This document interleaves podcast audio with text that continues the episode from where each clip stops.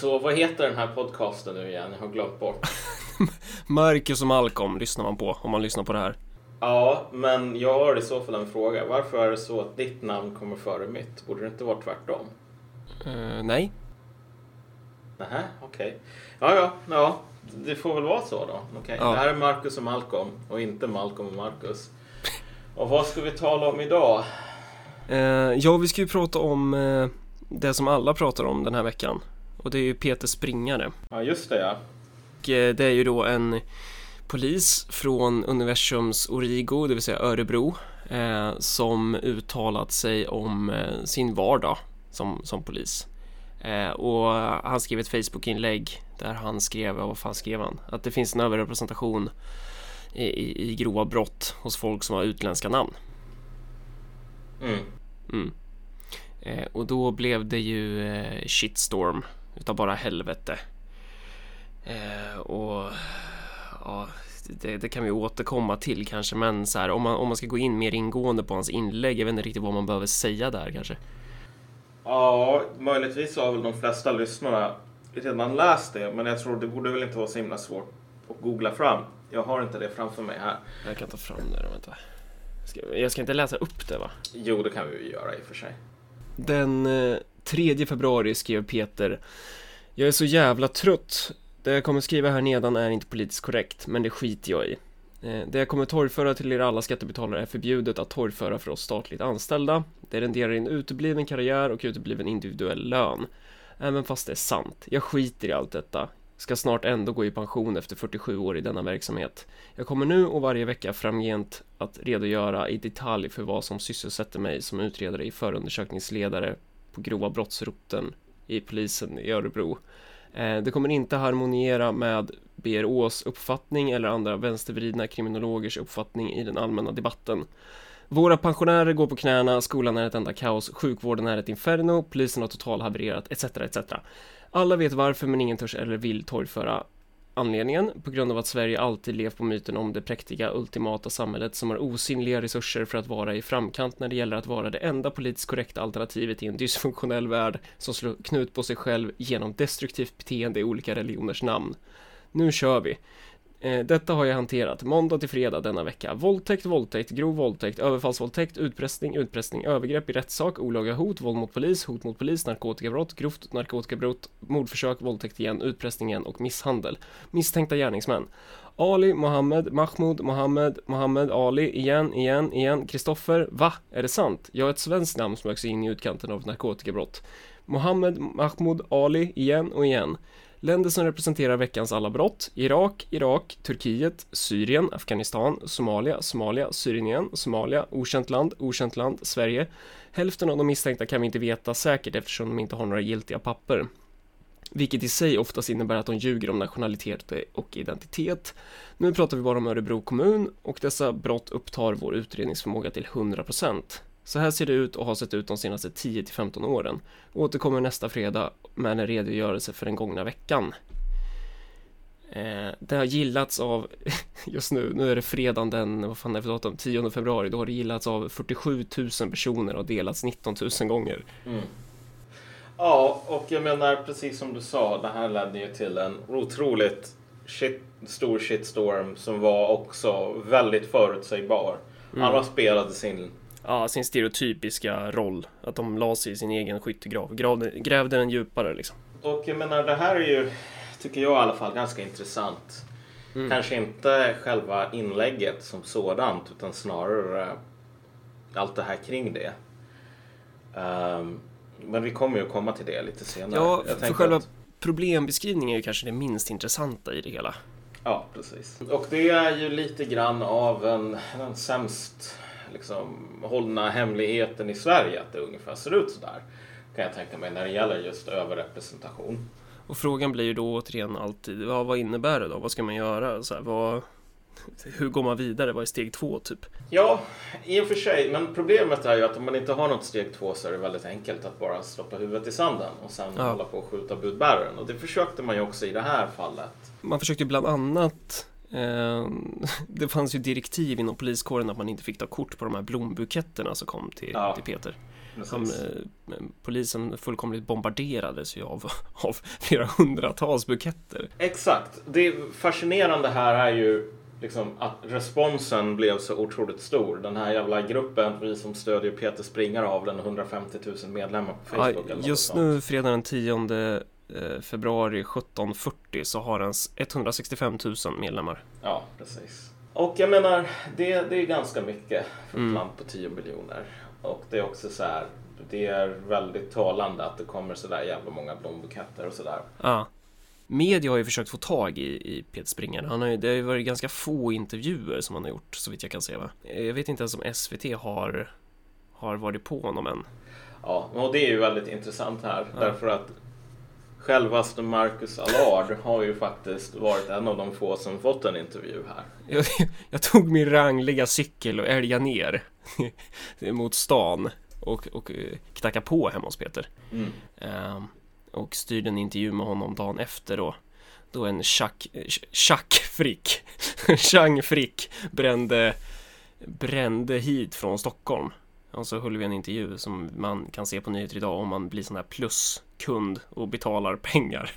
Men eh, det, det intressanta med han var ju att han var nu ska man ju inte ta gift på det här liksom. Jag vet ju inte vad någon har för politisk åskådning så, men han, han ger ju inte direkt intrycket av att vara en jävla nasse om man säger så.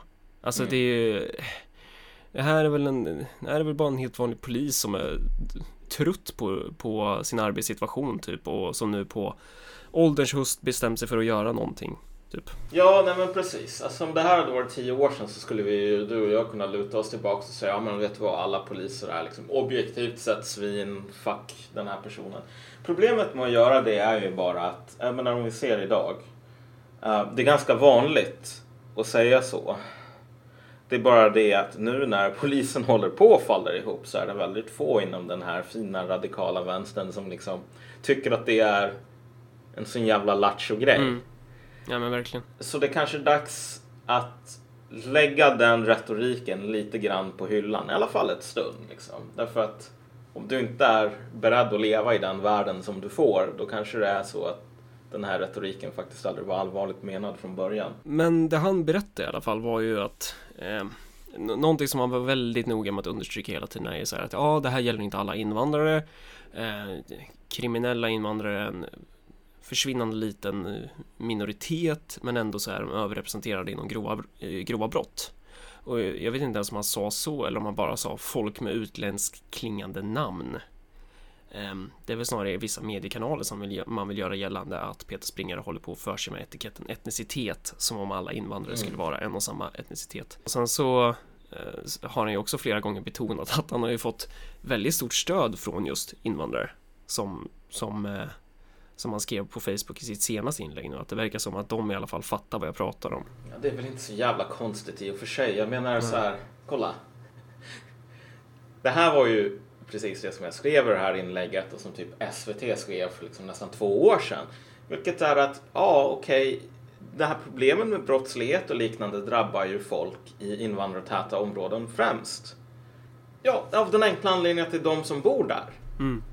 Det är relativt ovanligt att så här, inbrottsligor åker över till Danderyd. Mm.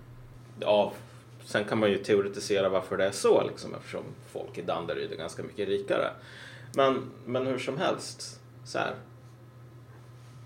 När du skapar liksom, kriminalitet så är den ofta lokaliserad ganska nära till liksom, området där kriminella bor. Mm. En annan grej som han ville poängtera var ju det här med att han, han är för invandring. Han är för att man tar in eh, asylsökande och sen så undersöker han under kontrollerade och, och bestämda former. Eh, och det tror jag att de flesta, alltså de flesta i det här landet skriver under på. Mm. Det spelar ju sällan någon roll liksom. Är det en infekterad fråga då? Nej men alltså premisserna för hela den här diskussionen idag ja. är ju bara så här. Att han ens måste behöva säga det. Ja, men, men, men, men premisserna är ju så här. Liksom. Och det är det som gör det här med underkontrollerade former på ett mm. plan ganska liksom, hotfullt men på ett plan också helt irrelevant. Och det är att antingen så är du för invandring på grund av att det inte orsakar några som helst problem. Då passar du in i den här liksom kategorin. eh, som vi talade om tidigare, då spelar du efter ett visst sorts manus. Mm. Genom att säga att, ja men vet du vad, liksom, det finns inte alls några problem som följer av invandring. Det finns ingen möjlighet till etniska konflikter, det finns ingenting sånt. Allting är bra. Eller så kan du säga att allting inte är bra och då måste du automatiskt tycka att invandring är dåligt och att rashygien är bra. Mm. Vi har inte en kategori i våran diskurs för någon som säger att okej, jag tycker att vi borde se till så att människor kan söka asyl och att vi samtidigt hanterar de problemen som kommer att komma därefter. Det finns ingen sådan kategori överhuvudtaget. Folk kan Nej. inte förstå det här rent mentalt. Och det har ju också du och jag rent personligen märkt på eftersom vi har försökt att tala om problem och Ja. liksom föreslå lösningar. Och då säger folk bara, ja men du hatar alla som har en underlägsen ras. Du tycker att liksom alla som inte är svenskar rent genetiskt ska skjutas. Här. Men Mm. Nej. Jag förstår inte riktigt hur folk kan ha den idén och anklaga en för det med tanke på Och återigen eh, valet av ordet folk. Ja, eh, att, att så här, det är ju primärt eh, ganska politiskt engagerade människor som är ganska eh, noga med att man måste eh, tryckas in i ett visst fack eller form beroende Ja. på vad man har sagt så. Men jag tror att det, alltså, majoriteten av, av, av svenska befolkningen är ju helt på det klara med att man kan ha en, en hållning i frågan som är just det som du sa, att man kan vara för att vi ska hjälpa människor Eh, men att man också då ska ha lite större kontroll på politiken och, och konsekvenser som följer av att man tar in väldigt många människor. Ja, exakt. Men alltså, mm, precis. Och jag menar, det var väl till och med i Nerikes Allehanda som man publicerade den här liksom, debattartikeln eller kolumnen eller vad det nu var, kommer inte ihåg, där de sa bara att ja, men vad Peter Springare inte förstår är ju att den gemensamma kategorin inte alls är invandrare utan den gemensamma kategorin är män. Jag snodde ju tidningen från min, från min stackars far eh, och, och gav den till Peter Springare där som en slags Karl-Bertil Jonsson-aktion. För Peter Springare det verkar inte som han prenumererade på Nerikes Allehanda eller det kanske han gör, han, han hade inte läst det i alla fall. Eh, och så han läste ju den där artikeln och eh, han skakade på huvudet. Och, det, och han sa väl det att ja, men Mitt syfte är ju inte att hålla på och ta upp alla faktorer här Jag är ju inte intresserad av någon slags akademisk diskussion eller något sånt där utan Han ville, han ville ju bara påpeka just den här grejen Ja. eh, Och då så sa han att då kommer alla de här invändningarna Ja men har du tänkt på den här va- variabeln? Har du tänkt på den här variabeln? Och, och så vidare och så vidare Problemet också med att säga som man gör, gjorde i NA, liksom att det är män som är den gemensamma nämnaren, är ju att det här inte är ett logiskt sammanhängande argument. För man menar ju att okej, män är den gemensamma nämnaren egentligen. Och att man därför ska diskutera män, men ingenting annat. Så, eftersom det här är den mest allmänt giltiga. Så.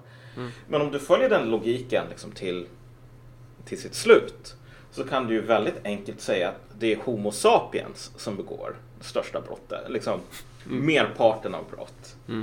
Ehm, och i så fall borde du ju inte kunna hålla på och säga att ja men vet du vad? Vi talar om gärningsmän i, i våldtäkter och liknande. Eh, för att en sån förkrossande majoritet av alla våldtäkter begås av män. Ja, men vet du vad? Kolla, alla män är ju Homo sapiens sapiens. Därför måste vi tala om gärningsmänniskor. Och inte hålla på och försöka eh, fiska i grumliga vatten genom att ha något så här liksom ah, eh, eh, vad heter det nu? Liksom så här, manshatande, profilering, sånt där. Ingen skulle ju vara beredd att acceptera ett sådant argument av förklarliga skäl. Typ. Typ, om man talar om våldtäkt till exempel så är det ju idiotiskt att hålla på att tala om gärningsmänniskor eller gärningspersoner. Liksom. Det är gärningsmän. I mer än 99 av 100 fall. Så det här är ju inte ett argument som är menat att hålla logiskt. Det här är ett argument som är menat att säga åt någon håll käften. That's it. Och en av de intressanta sakerna med just det här fallet Peter Springare är ju att det är nu som vi verkligen märker att jag har ju inte läst Nerikes Allehanda, men jag har läst lite andra artiklar liksom i Expressen och så vidare. Man, man slås av att det finns en sorts yrvaken karaktär hos den här Det är det som är så intressant med de här mediamänniskorna att de eh, varav många lyssnar på våran podcast och det är ju trevligt.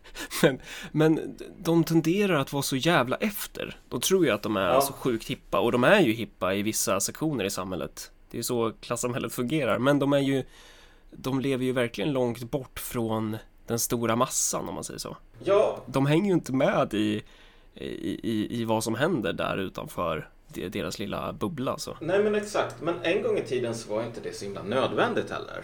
Nej. Därför att media var fortfarande, hade fortfarande en sådan hegemoni så att vad deras preferenser Mm. var det som inte direkt bestämde vad människor tyckte. För det är, har media aldrig varit kapabel att göra. Men media en gång i tiden var väldigt kapabel att bestämma vad människor talade om. Inte vad de tyckte i de här frågorna, men vilka frågor som man talade om. Vilka som fick uppmärksamhet, vilka som inte fick det. Det här har ju totalt kollapsat nu. Ja, där hade de ju verkligen makt att kunna eh, där skulle man ju klarat av att marginalisera vissa politiska grupper ganska enkelt bara genom Ja. att, inte få dem ut, att de inte skulle få utrymme. Men i och med teknologins utveckling eller vad man ska säga så, så finns det ju alternativa medier idag. Det är mycket, mycket, mycket lättare att nå ut idag än vad det var förr. Ja, jo men precis. Det har ju skett någon form av nivellering här när det gäller de rent fysiska resurserna som de här liksom, mediahusen har. Eh, nu har jag ju talat med, jag har talat med människor på en del tidningar nu när man har blivit någon form av så här proffstyckare, skriver kolumner. Det intressanta är ju så här att det ämnet som alltid finns, det är pengar. Ja. Man snackar hela tiden om pengar och att man inte har nog. Så här, nedskärningar, nedskärningar, nedskärningar. Typ. Hur ska vi överleva? Det är liksom the topic of the day. Och därmed så sker det inte direkt att så här, alternativ media håller på att bli som de stora drakarna var vid deras storhetstid. Utan snarare att det blir svårare för alla att liksom fixa intervjuer och vara på plats och allting sådant. Så det är en aspekt här. Den andra aspekten är ju snarare att det, det, det, det egna privilegiet att sätta tonen och sätta dagordningen för diskussionen har ju totalt eh, urholkats. Och det var det som jag menar med att det finns någon yrvaken karaktär i hur man talar om just Peter Springare. Därför att man upptäcker så att va? jag vill egentligen inte prata om det här. Jag vill vara den som bestämmer vad andra pratar om. Men nu har inte det funkat. Så nu liksom hänger man med. Så här, man är reaktiv.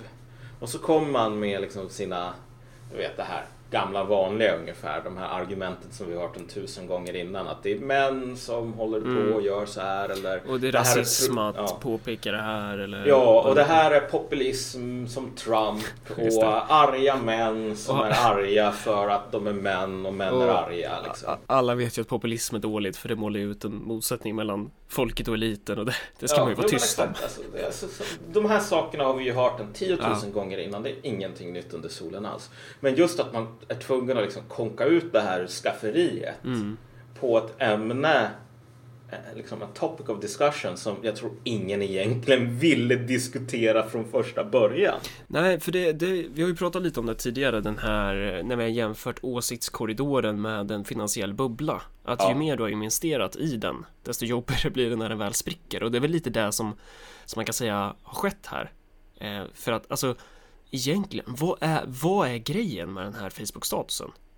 Så här, det, det är en polis som konstaterar hur hans vardag ser ut och hur, vad är det som gör att 165 000 människor känner att det är, är världens grej liksom? Vad är det som Ja. gör att, att media reagerar som de gör? Hur kan det bli en stor grej? Va- varför, är det, varför skickar massa människor blommor? Varför är det överhuvudtaget förbjudet att ta, ta kort på de blommorna? Det, är så, det, det, det blir så infekterat. Det blir är verkligen så här kejsarens nya kläder. Om man hade kunnat tala om det här från första början, då hade det ju inte blåst upp till en sån bubbla.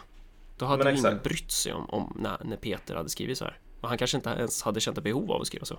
Nej, exakt. Men det här är ju någonting som man ser överlag inom mycket statlig förvaltning idag.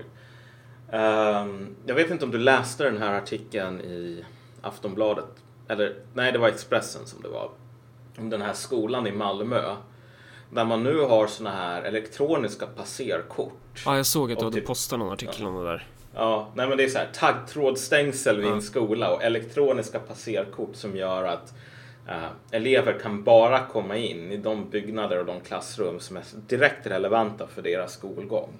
Och så är de utlåsta ur hela andra delar av skolan. Och det har man alltså för att det har varit så gigantiska så här, etniska bråk, typ. Någon snubbe från Syrien stirrade på någon snubbe från Afghanistans tjej. Och så blir det så här. Pang bom. 30 pers som håller på och har någon jävla streetfight. Mm. Eh, eller 40 pers. Och så kommer, man, så kommer det människor som inte ens är elever på skolan. Och går med i det här bråket. Och så liksom hotar man att ah, vi ska fortsätta det här efteråt. Och så stänger man skolan på grund av det. Och typ reaktionen från rektorn där blir ungefär, men vad, vad gör ni journalister här? Ni ska inte hålla på och täcka sådana här saker. Ja. Ni ska bara skriva positiva saker, för det negativa det är inte intressant. Och jag menar, det där funkar ju ett tag. Mm. Men alla som liksom går på den där skolan vet ju precis hur det funkar. Deras föräldrar vet ju precis liksom hur det ligger till. Mm. Och lärarna vet hur det ligger till. Och sen förr eller senare så kommer det någonting som händer som gör att det här hamnar i öppen dagen. Och då, då säger alla bara, åh gud vad skönt, äntligen. Trots att alla vet det. Mm. Ja. Någonting händer Det är något stort på gång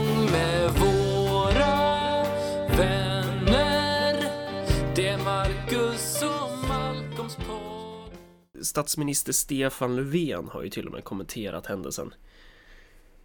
Eh, och det, det kanske, man ska ju kanske inte lägga all skit på Löfven här. Det är väl någon journalist som, jag minns inte riktigt hur den intervjun var, men jag har för mig att någon journalist kom fram och till och med sa att så här, Peter Springare hävdar att alla brott begås av, av invandrare.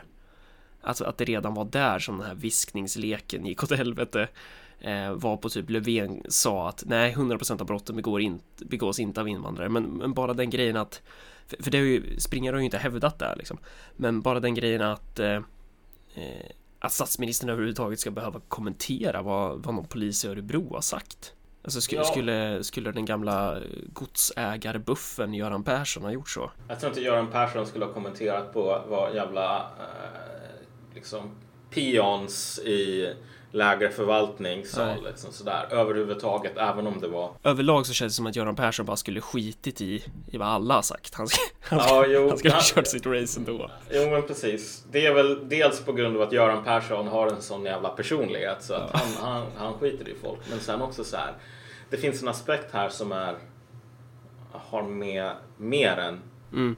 individuellt liksom, vandel att göra och det har ju med, ja, med vad säger det egentligen när du behöver dementera sådana här saker?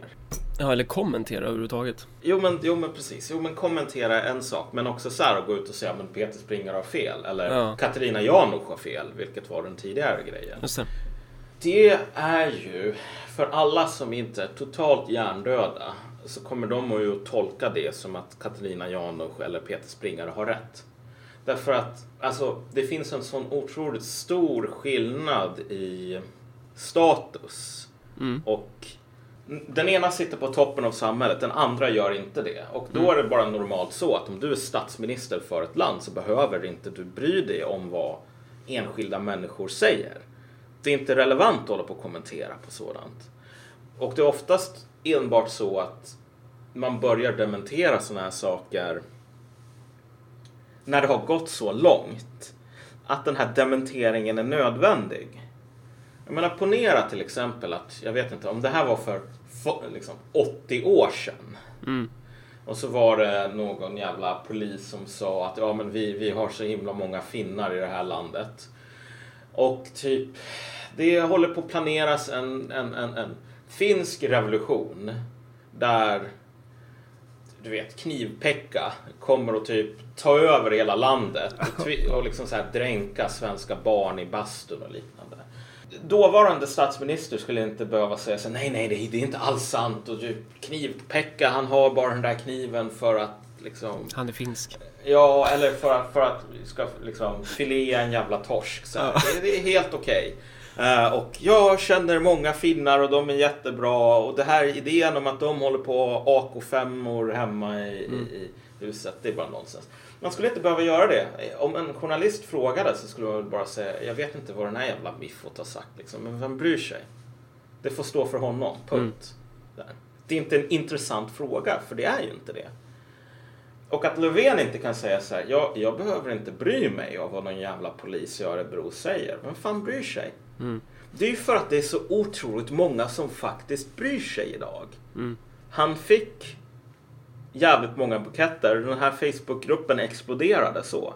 Men om de inte hade gjort det, då skulle Peter Springare antagligen ha fått sparken vid det här laget.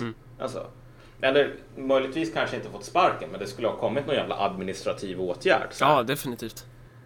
Men nu kan man inte komma med den här administrativa åtgärden för att det är en sån himla krutdurk.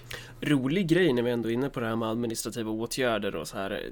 Rikspolischefen Dan Eliasson kom ju från samma stad som Peter Springare, nämligen Hedemora. Och när vi hade stängt av kameran för den här intervjun, då berättade ju Peter att han, att han arresterat, eller att han, vad fan var det han sa? Att han har haft med Daniel Eliasson att göra. Jag tror, jag tror att han hade tagit honom någon gång när Daniel Eliasson eh, som, som ung punkare hade slagit sönder någon, eh, någon, någon skyltfönster. Det tycker, jag tycker det är lite roligt. Synd att Ja. vi inte fick med det på film så, men Ja, ja, men det är ju intressant. Men det visar ju bara på att alla jävla sossar är samhällshaverister. Eh, Ja, nej. En annan grej som jag har tänkt på är det här med att alla bryr sig. Alltså, det känns som att den här den stora invandringsfrågan idag att det nästan har blivit som vår, vår samtidsfetisch på något sätt Ja. för, för, för väldigt många andra frågor. Det, det, det är en fråga som vi trycker på egenskaper som den kanske inte har. Alltså Mm. oavsett vad man pratar om i samhället, oavsett vilket em, problem den är så försöker man härleda det genom invandringsfrågan. Ja. Um, och det- här är någonting som jag har tänkt ännu mer på när man börjar skriva på nyheter idag och sådär och, och man ser dels vad det är som drar klick och det är ganska stor skillnad på vissa nyheter i hur många klick de drar beroende på dess innehåll. Eh, och om man tittar på vilka som läser tidningar, om man tittar i den här gruppen eh, står upp, Vi står upp för Peter Vi som står upp för Peter Springer eller står upp för Peter, den gruppen ja. Eh, att det vad är det som gör att den här frågan är så jäkla dels infekterad men också så ska man säga i centrum som den är? Alltså på ett plan så har det här blivit en, en klassmarkör. Mm. Vad du tycker om invandring är en klassmarkör. Oftast mer än vad det är en, ett sak. Det är, en, det är en klassmarkör men inte då i bemärkelsen att det avgör din klass utan snarare om att det brukar eh, ha det, det, det är markör snarare än en, vad ska man säga, en förutsättning eller så. Jo, jo men precis. Ja, men det är ju någonting som du... Det här är ju någonting som vi har sett hur länge som helst. Mm. Så länge som människan har levt i organiserade samhällen ungefär. Du känner väl till det här liksom att skö- skönhetsideal. En gång i tiden så var ultimata skönhetsidealet att du skulle vara blekfet typ så här. Ehm, för de flesta kvinnorna var ute på fältet och jobbade och då fick man bondbränna typ. Och då kunde man inte vara så jävla fet heller. Ja. Och sen idag så är det ju snarare så att det är bara de som är liksom lite rikare och har det lite bättre som har råd med personliga tränare och, och liksom så här solsemester och liknande. Så nu är ju idealet helt motsatta. Och det är lite grann det som vi menar med en klassmarkör. Att de här yttre markörerna är ju inte klassen i sig, men de beror ju på Din ställning i produktionen. Ja men precis, exakt.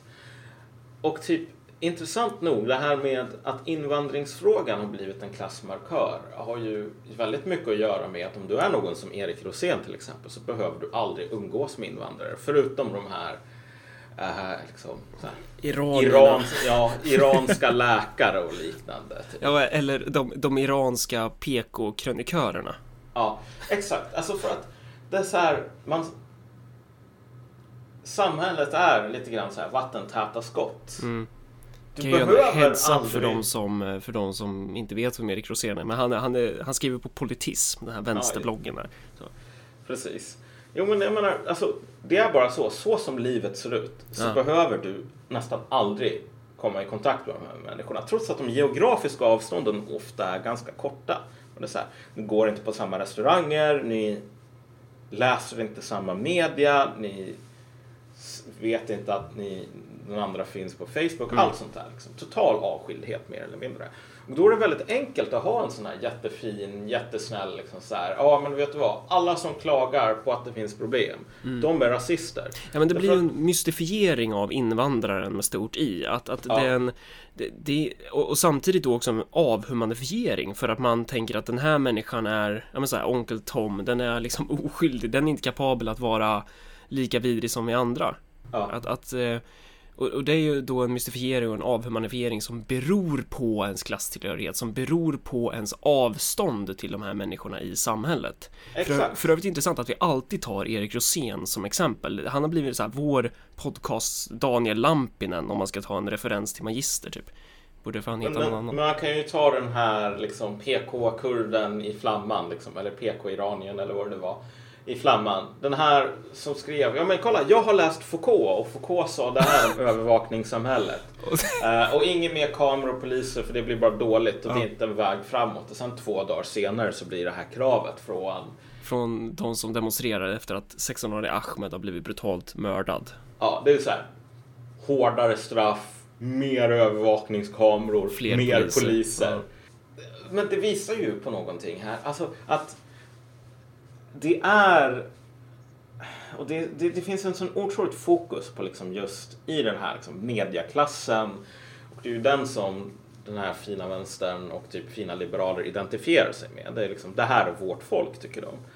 Men i den här klassen så är det så otroligt viktigt med just att ha markera att du har rätt åsikter, rätt ställningstagande och så vidare. Och så försöker man få det till att det är bara vita, arga, rasistiska män som inte har dem. Sen så stöter man alltid på problem när det visar sig att ja, typ, de som tycker att invandrare är kriminella, det är ofta andra invandrare som fått sin butik rånad. Liksom. De säger, vet du vad, det finns faktiskt kriminella i Husby och jag skulle gärna vilja att du, de sattes på en jävla rymdraket och sköts till månen ungefär. Mm. Och då, det, är också, det är också de som får mest skit i, i en rasistisk diskurs såklart. Mm. Att det, och det är som Peter sa, fler, flera gånger har han ju sagt det. Att så här, den stora majoriteten invandrare är ju inte kriminella. Ja, Och hela tiden så här, noga med att påpeka så här, jag talar om kriminella människor. Jag talar inte om gruppen invandrare, jag talar om kriminella. jo men exakt. Fan vil- vilken jävla försvarare av Peter jag blivit här alltså. Men jag, jag blir bara så trött på den här Ja men det här instinktiva positionerandet som man direkt måste ta när det händer något sånt här. Mm. Att man aldrig bara kan ta det lite jävla lugnt och försöka se vad fan är det som sägs här och vad innebär det här egentligen? Ja, precis. Men det instinktiva positionerandet handlar ju i slutändan om att det här är, du måste markera, Markera vem man själv är typ. Ja, vilken sorts person som du är. Och jag menar den, den riktigt så här ofräscha sidan på det här blir ju egentligen jag såg en, en kamrat som vi kan lämna utan namn hamna i så här gräl på Twitter ungefär. Därför att du hade den här reportagen om, vad heter det, köpcentret Nordstan. Där Expressen GT skrev ehm, att ganska många kvinnliga arbetare som jobbade på det där stället kände att, alltså, de funderade på att sluta därför att när man ska hålla på att låsa butiken gå därifrån på kvällen så är det liksom väldigt otryggt.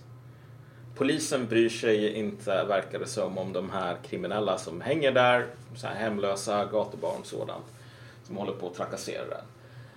Och typ när responsen ungefär blir för att du ska visa att du är god, att säga så här, ja men tidningarna borde sluta skriva om kriminalitet för att det här, det här bara rasistisk propaganda, det stärker SD, um, etc. etc.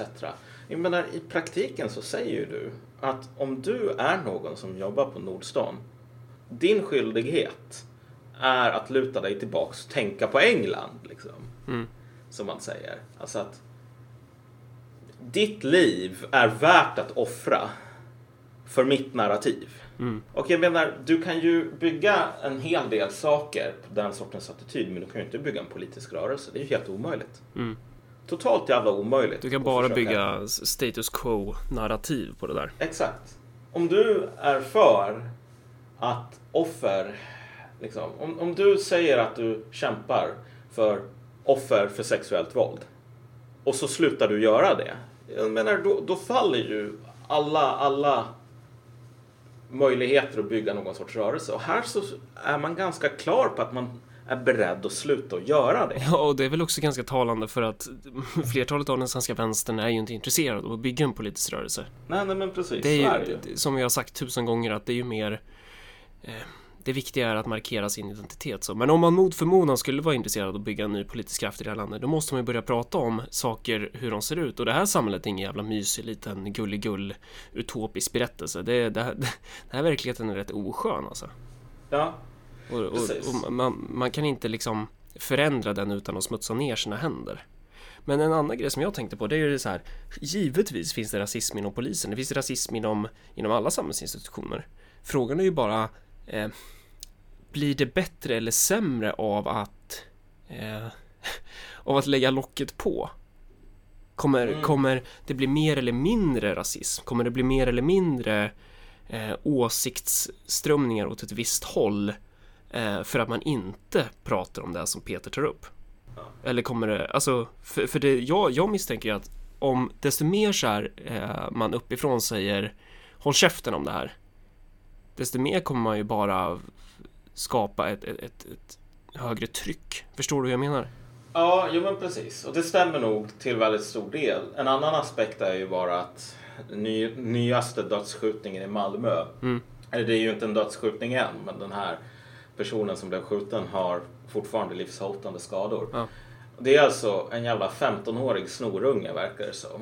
Som alltså har skjutit En snöröjare var det va? Ja, precis. Bara en snöröjare. Tänk dig en 15-åring som Mm. skjuter verkligen bara en hårt arbetande knegare som inte är känd i polisen sedan tidigare. Antagligen bara an- så var det för, för skojs skull eller så var det ett misstag att man växlade upp det här med någon annan.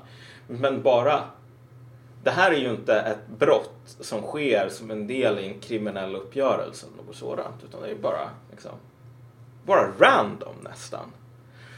Tänk dig risken att bli utsatt för, nu, nu kan ju massor med människor i ETC hålla på och säga att så här att okej, men risken att bli skjuten om du bor i Sverige, liksom bara på random av en 15-åring, det är mindre än risken att Dö i bilolycka eller halka Ja, i eller, badkaret. ja men eller- halka i badkaret. Vadå, säger du att vi inte ska ha badkar längre eller? Nej.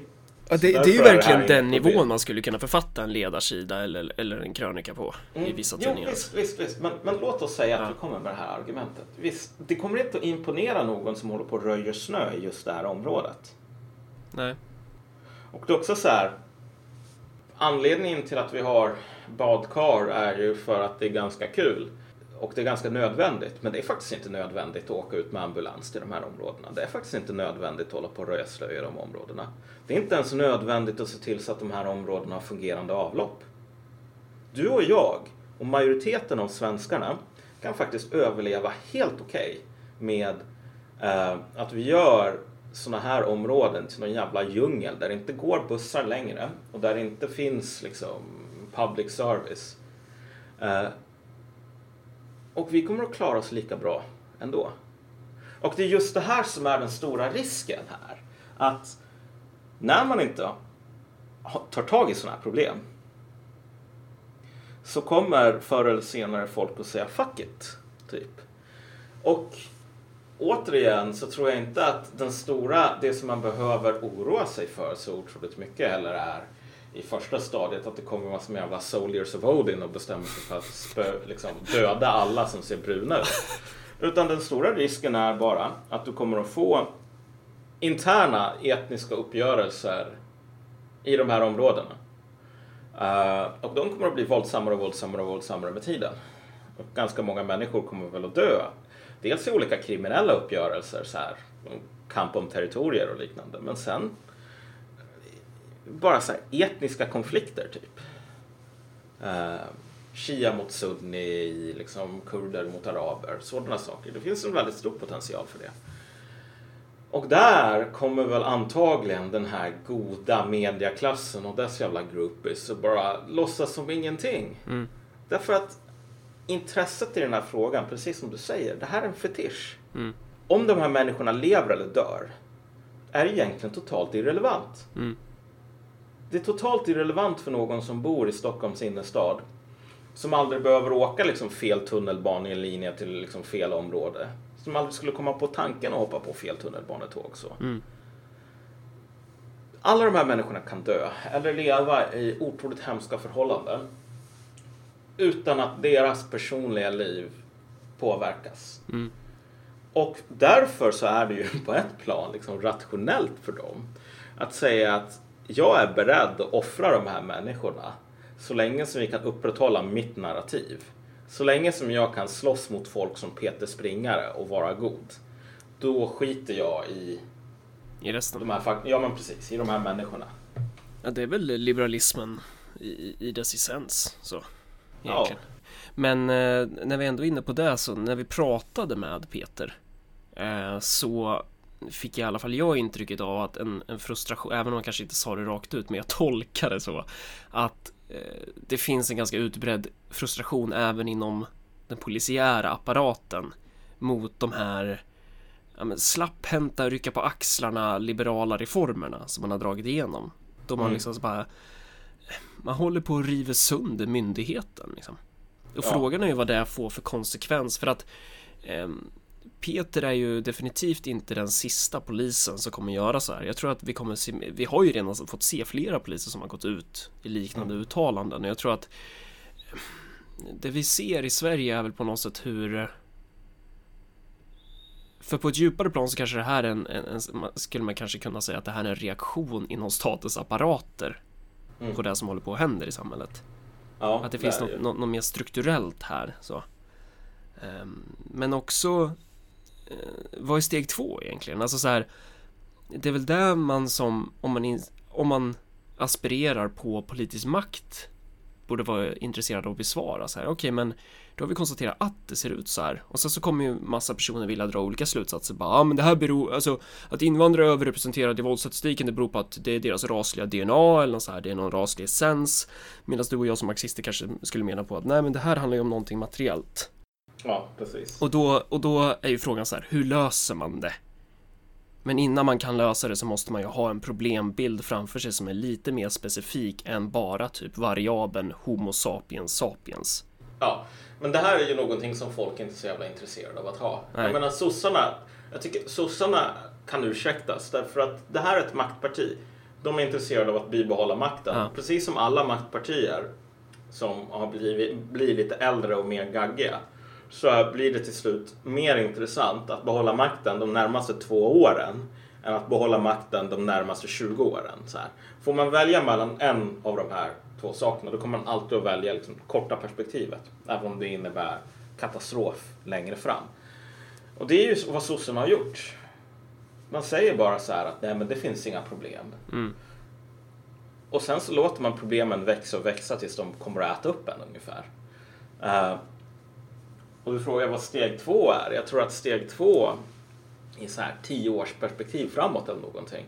Det är nog att SD kommer att bli det nya hegemoniska partiet. Alltså de kommer att ta över den här rollen inom politiken som sossarna hade. Vilket är det här breda tältet liksom. Eh, där ganska många olika så här, sorters människor kan samla sig. Och det här liksom Big Pack Vanilj-partiet på något plan, standard. Så. Ja, Eh, och sossarna kommer att passokifieras på något plan. PASOK, alltså det grekiska Ja. sossepartiet. Du vet, man, man, man krymper ner till någon så här kamrat 7% eller någonting. Så. Ja, man, man hamnar på Sjöstedts nivå. Ja, precis. Och sen så, och det är ju ganska farligt för ett parti som sossarna just för att det här är ett parti som är ett maktparti. Ja, det, det är jä, det- jävlar vad många, eh, vad ska man kalla dem? Ja, karriärister i dess renaste form det finns i det där partiet alltså. Ja men exakt. Alltså, sättet som det här partiet håller ihop. Ja. Det är därför som det är liksom rationellt för dem att välja makten två år framåt snarare än 20 år framåt. Det är för att för att kunna hålla partiet ihop internt så måste du hela tiden ha olika poster och eh, myndigheter och liknande att dela ut till folk. Det är så som du upprätthåller lojaliteten. Genom att du erövrar bitar av den offentliga apparaten och så delar du ut dem till dina kompisar. Eller till olika faktioner och så vidare. Jag tror att du har rätt i aspekten att SD kommer bli eh, en hegemon de närmaste Mm. tio åren förutsatt att det inte kommer till skott en ny politisk rörelse som eh, som, som är liksom åt ett annat håll så att säga. Mm.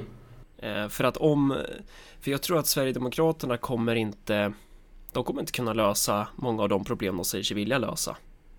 Nej, nej, verkligen inte. Eh, Möjligtvis så kan de lösa dem lite bättre än sossarna. Alltså det är ju inte en hög ribba att sätta i och för sig. Nej. Lite, Eh. lite beroende på vad man snackar om då givetvis Men jag tror att de kommer att göra majoriteten av sina väljare jävligt jävligt besvikna För att Definitivt, definitivt. Som vi har snackat om tidigare Jag menar deras ekonomiska politik är ju väldigt så default eh, Ja. Old school, vad ska man kalla det? Nyliberalism eller vad man vill kalla det liksom ja, precis. En sak som man kan påpeka där är att det är lite mer komplicerat än så faktiskt. Intressant nog, ett av de mest så radikala progressiva eh, förslagen när det gäller liksom, ändringar av skattesystemet kom, har alltså kommit från SD. Det blev ju nedröstat. Alla röstar ju ner det Aha, i och för sig. Och jag tror inte att de, SD skulle ha föreslagit det här om det skulle gått igenom. Då skulle man vara tvungen att ta ansvar för det och få massor med rika människor som var sura på en. Ja Men det här lagförslaget var typ så här. Där Moderaterna, när de justerar skatterna, då är det så här att 50% av skattesänkningarna går till de 10% som har mest idag. Och med SDs förslag så var det mer eller mindre tvärtom. Det var så här 50% av skattesänkningarna ungefär gick till de som tjänade minst. Och ett sådant förslag är ju någonting som jag menar du och jag säkert skulle kunna skriva under på av, av massor med olika anledningar. Ehm, men det visar också på att det här, jag tror inte man ska ta det förslaget på allt för stort allvar. Det var inte menat att det skulle lyckas. Men, men det finns alltid en viss potential i ett sånt här parti som SD. Det var ju det som vi försökte sätta fingret på när vi talade om liksom, att gå utanför manus. Men de här kan ha en viss liksom, ka- kameleont eh, förmåga att göra saker som de egentligen inte borde få göra därför att enligt så här höger-vänster-skalan så är det inte tillåtet för dem att göra det. Så det- de kan nog vara mer, ha en större chans att vara hegemoniska ett tag. Kanske en 10 år, 20 år eller något sånt, men inte längre än så tror jag. Därför att sossarna, de håller på att sjunka med skeppet nu idag. Sen en annan grej, det har ju talats mycket om det här med polisen bara. Kanske kan avsluta med det. Att folk... Väldigt många var ju så här jätteradikala och bara polisen är grisar, bla bla bla sådär. Och nu håller ju polisen på och faller sönder ganska mycket. Arbetsmoralen är väldigt låg, resurserna räcker inte till. Det här kommer inte att leda till någon jävla Highlander eller något sånt. Utan jag tror att vad, vad steg två här blir, det är ungefär att privata säkerhetsfirmor kommer att ta över mer. Så här ser det ut i vissa delar av världen ungefär. Att alltså om du Är du rik då har du mer säkerhet via privata firmor Precis. Så. Men det här kommer att bli någon sån här medelklassgrej också. Om du bor i en villaområde till exempel. Ja just det, för, att- förutsatt att, det, att den normaliteten upprätthålls för en majoritet av de som skulle kunna räknas till medelklass eller mellanskikt Ja. kommer ju definitivt proletariseras. Ja, ja, precis. Fler och fler inom den här medelklassen kommer att proletariseras. Men de som håller fast, liksom, eh, desperat klamrar sig fast vid sin status ett litet tag till så kommer det nog att bli så att man helt enkelt tecknar någon sorts kollektivt avtal med någon sån här Securitas eller någonting. Och så kommer de att sköta mycket av de resurs, alltså uppdragen som polisen tidigare har fått. Och idag så är väl inte det helt lagligt. Det finns massor med problem sådär att, alltså, med befogenheter och så. Men det är nog en ganska snabbt gjord ändring. Så jag tror att många av de här fina personerna som idag håller på och skriver för Flamman och politism och så vidare. De kommer ju definitivt att vara bland de första som liksom tecknar sådana där avtal. Så.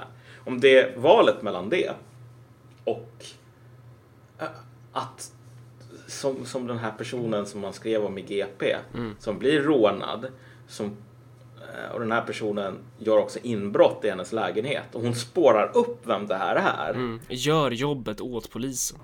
och de bara ja det här var ju intressant men Ja. mm, vi kommer inte att göra någonting. Du vet, ingen av de här fina radikala människorna på Flamman kommer någonsin acceptera det om de har ett annat val. Men det här är ju på något sätt kapitalismen i dess i, i förlängningen. Det är så himla kul att vi kommer att gå mot en sån här liksom, verkligen privatisering av det här med alltså, Staten. Ja, men precis. Av, av den här grundläggande statliga funktionen. Att okej, nu kommer du kunna teckna avtal med så här Securitas eller någonting annat. Chang Frick får sin utopiska libertarianska Ja. dröm kommer gå i Och, uppfyllelse. och, och vilka är det som har varit med på sitt lilla hörn? De har ju inte liksom, drivit igenom den här processen från början till slut, men de har skyndat på den. Vilka det är? Det är fan vänstern. Det är fan vänstern som har puttat oss närmare liksom, Brave New, eh, det här nattväktarsamhället liksom. Våta drömmen för Chang Johannes Frick. Nu skulle, Ja. till hans försvar så skulle jag ju säga nej men det, det, ska, det ska vara så fast det ska vara bra. Ja, typ, eller någonting. Ja. ja, eh, vi, vi ska ha med honom i några avsnitt när vi har lite mer tid att planera och sådär. Um, vad tänkte jag på? Ja, och alternativet till det här är ju att så här, en majoritet av befolkningen i det här landet och många andra länder kommer ju inte ha eh, något val. De kommer ju inte ha råd med den här sortens säkerhet och sånt och det är ju då det öppnas nya materiella möjligheter att formera en annan sorts dubbelmakt eller vad man ska säga. Ja, men samtidigt så det är ju inte så himla kul att hålla på med dubbelmakt jämfört med... Nej, det Det är ju därför som, kolla, det är, ju- det är Ja, ju men det är därför ju som som demokrati. i... Det är ju någonting Ja. du blir tvungen till att göra i ett visst läge. Ja, Så. men jag menar, vi har ju hamnat i den här situationen för alla höll på att snacka om, ja men du vet, vänstern kommer att gå in för folkmakt och organisering Ja. i liksom så här trygghets bla bla bla. Problemet är ju bara när en 15-årig jävla snorunge kan skjuta ihjäl en vaktmästare eller nästan göra det. Bara på grund av ingenting. Alltså, om du håller på sådär, du kommer ju också bli ihjälskjuten. Ja, Du blev erbjuden en gång i tiden att gå med i föreningen Allt åt alla. För där får man supa och knulla. ja. Och jag menar, det, det är väl kul att supa och knulla om man är en jävla normie. Men jag menar, hur många av dem som faktiskt går med för att supa och knulla kommer att gå med för att bli sprängd av en jävla handgranat? Är inte så himla många. Nej, men min poäng är ju inte att, att den sortens människor skulle vara eh, relevant i ett projekt att, att formera vad det nu kan vara, kooperativ som är som kommer människor till del.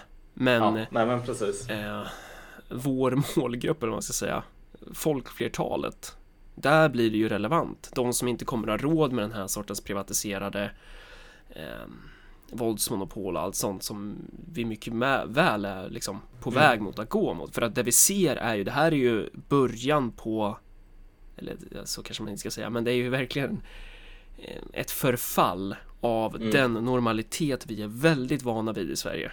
Eh, Mm. Dels den här med den här statliga stabiliteten. Allt sånt håller på att blåsa åt helvete.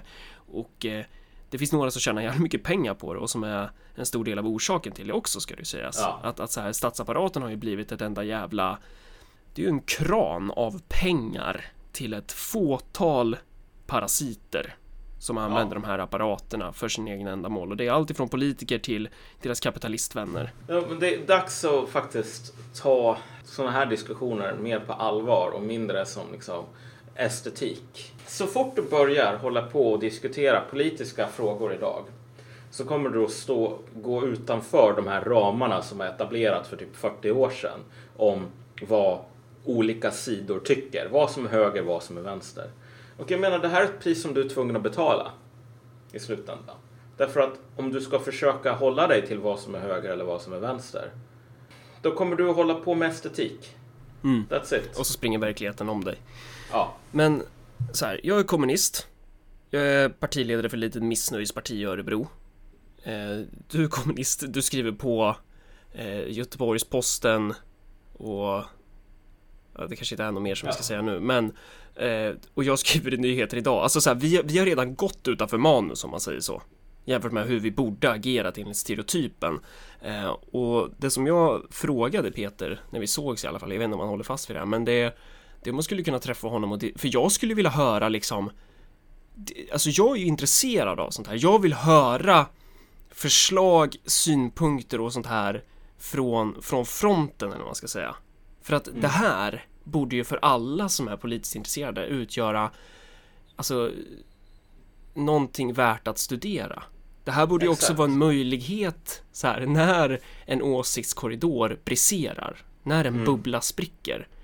Varför är man inte där? Varför är man inte först på bollen och, och säger okej, vad bra. Det här ger oss möjlighet att, sätta de här, de här, de här frågorna på agendan. Det här borde vi Exakt. diskutera. Och det behöver ju inte, en sån här diskussion behöver ju inte betyda att man tänker ta allting som Peter Springare eller någon annan säger liksom bara på face value. Men det slående är ju att det är så otroligt få människor som ens förstår. Om du till exempel talar med någon som inte håller med dig. Ja, Jag menar ta Chang Frick till exempel. Han är ju en jävla libertarian. Men så här, libertarianer, det är inte en politisk åskådning. Det är en jävla mental sjukdom i min värld kan jag ju säga.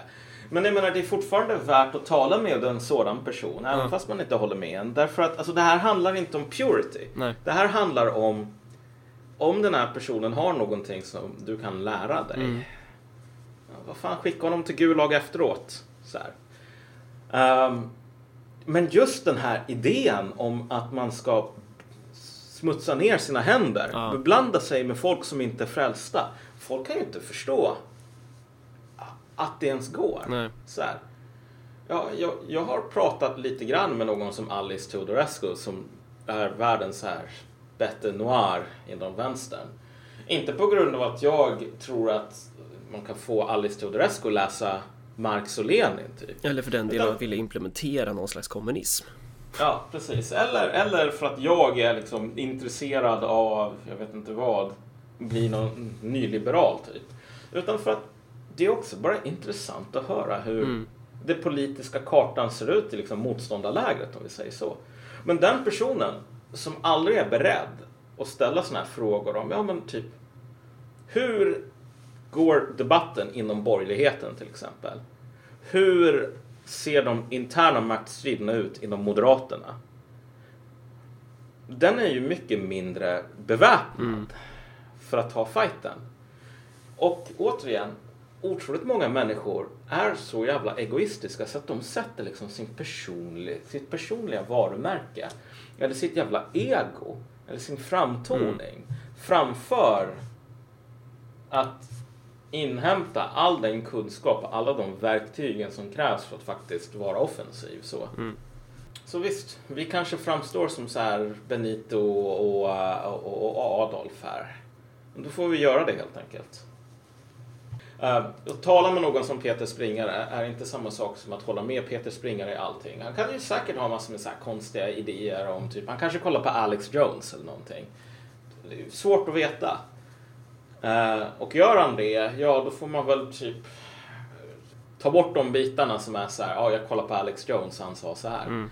Men hur har folk egentligen tänkt sig? Så här, Okej, du vill leva i ett samhälle utan poliser, fine.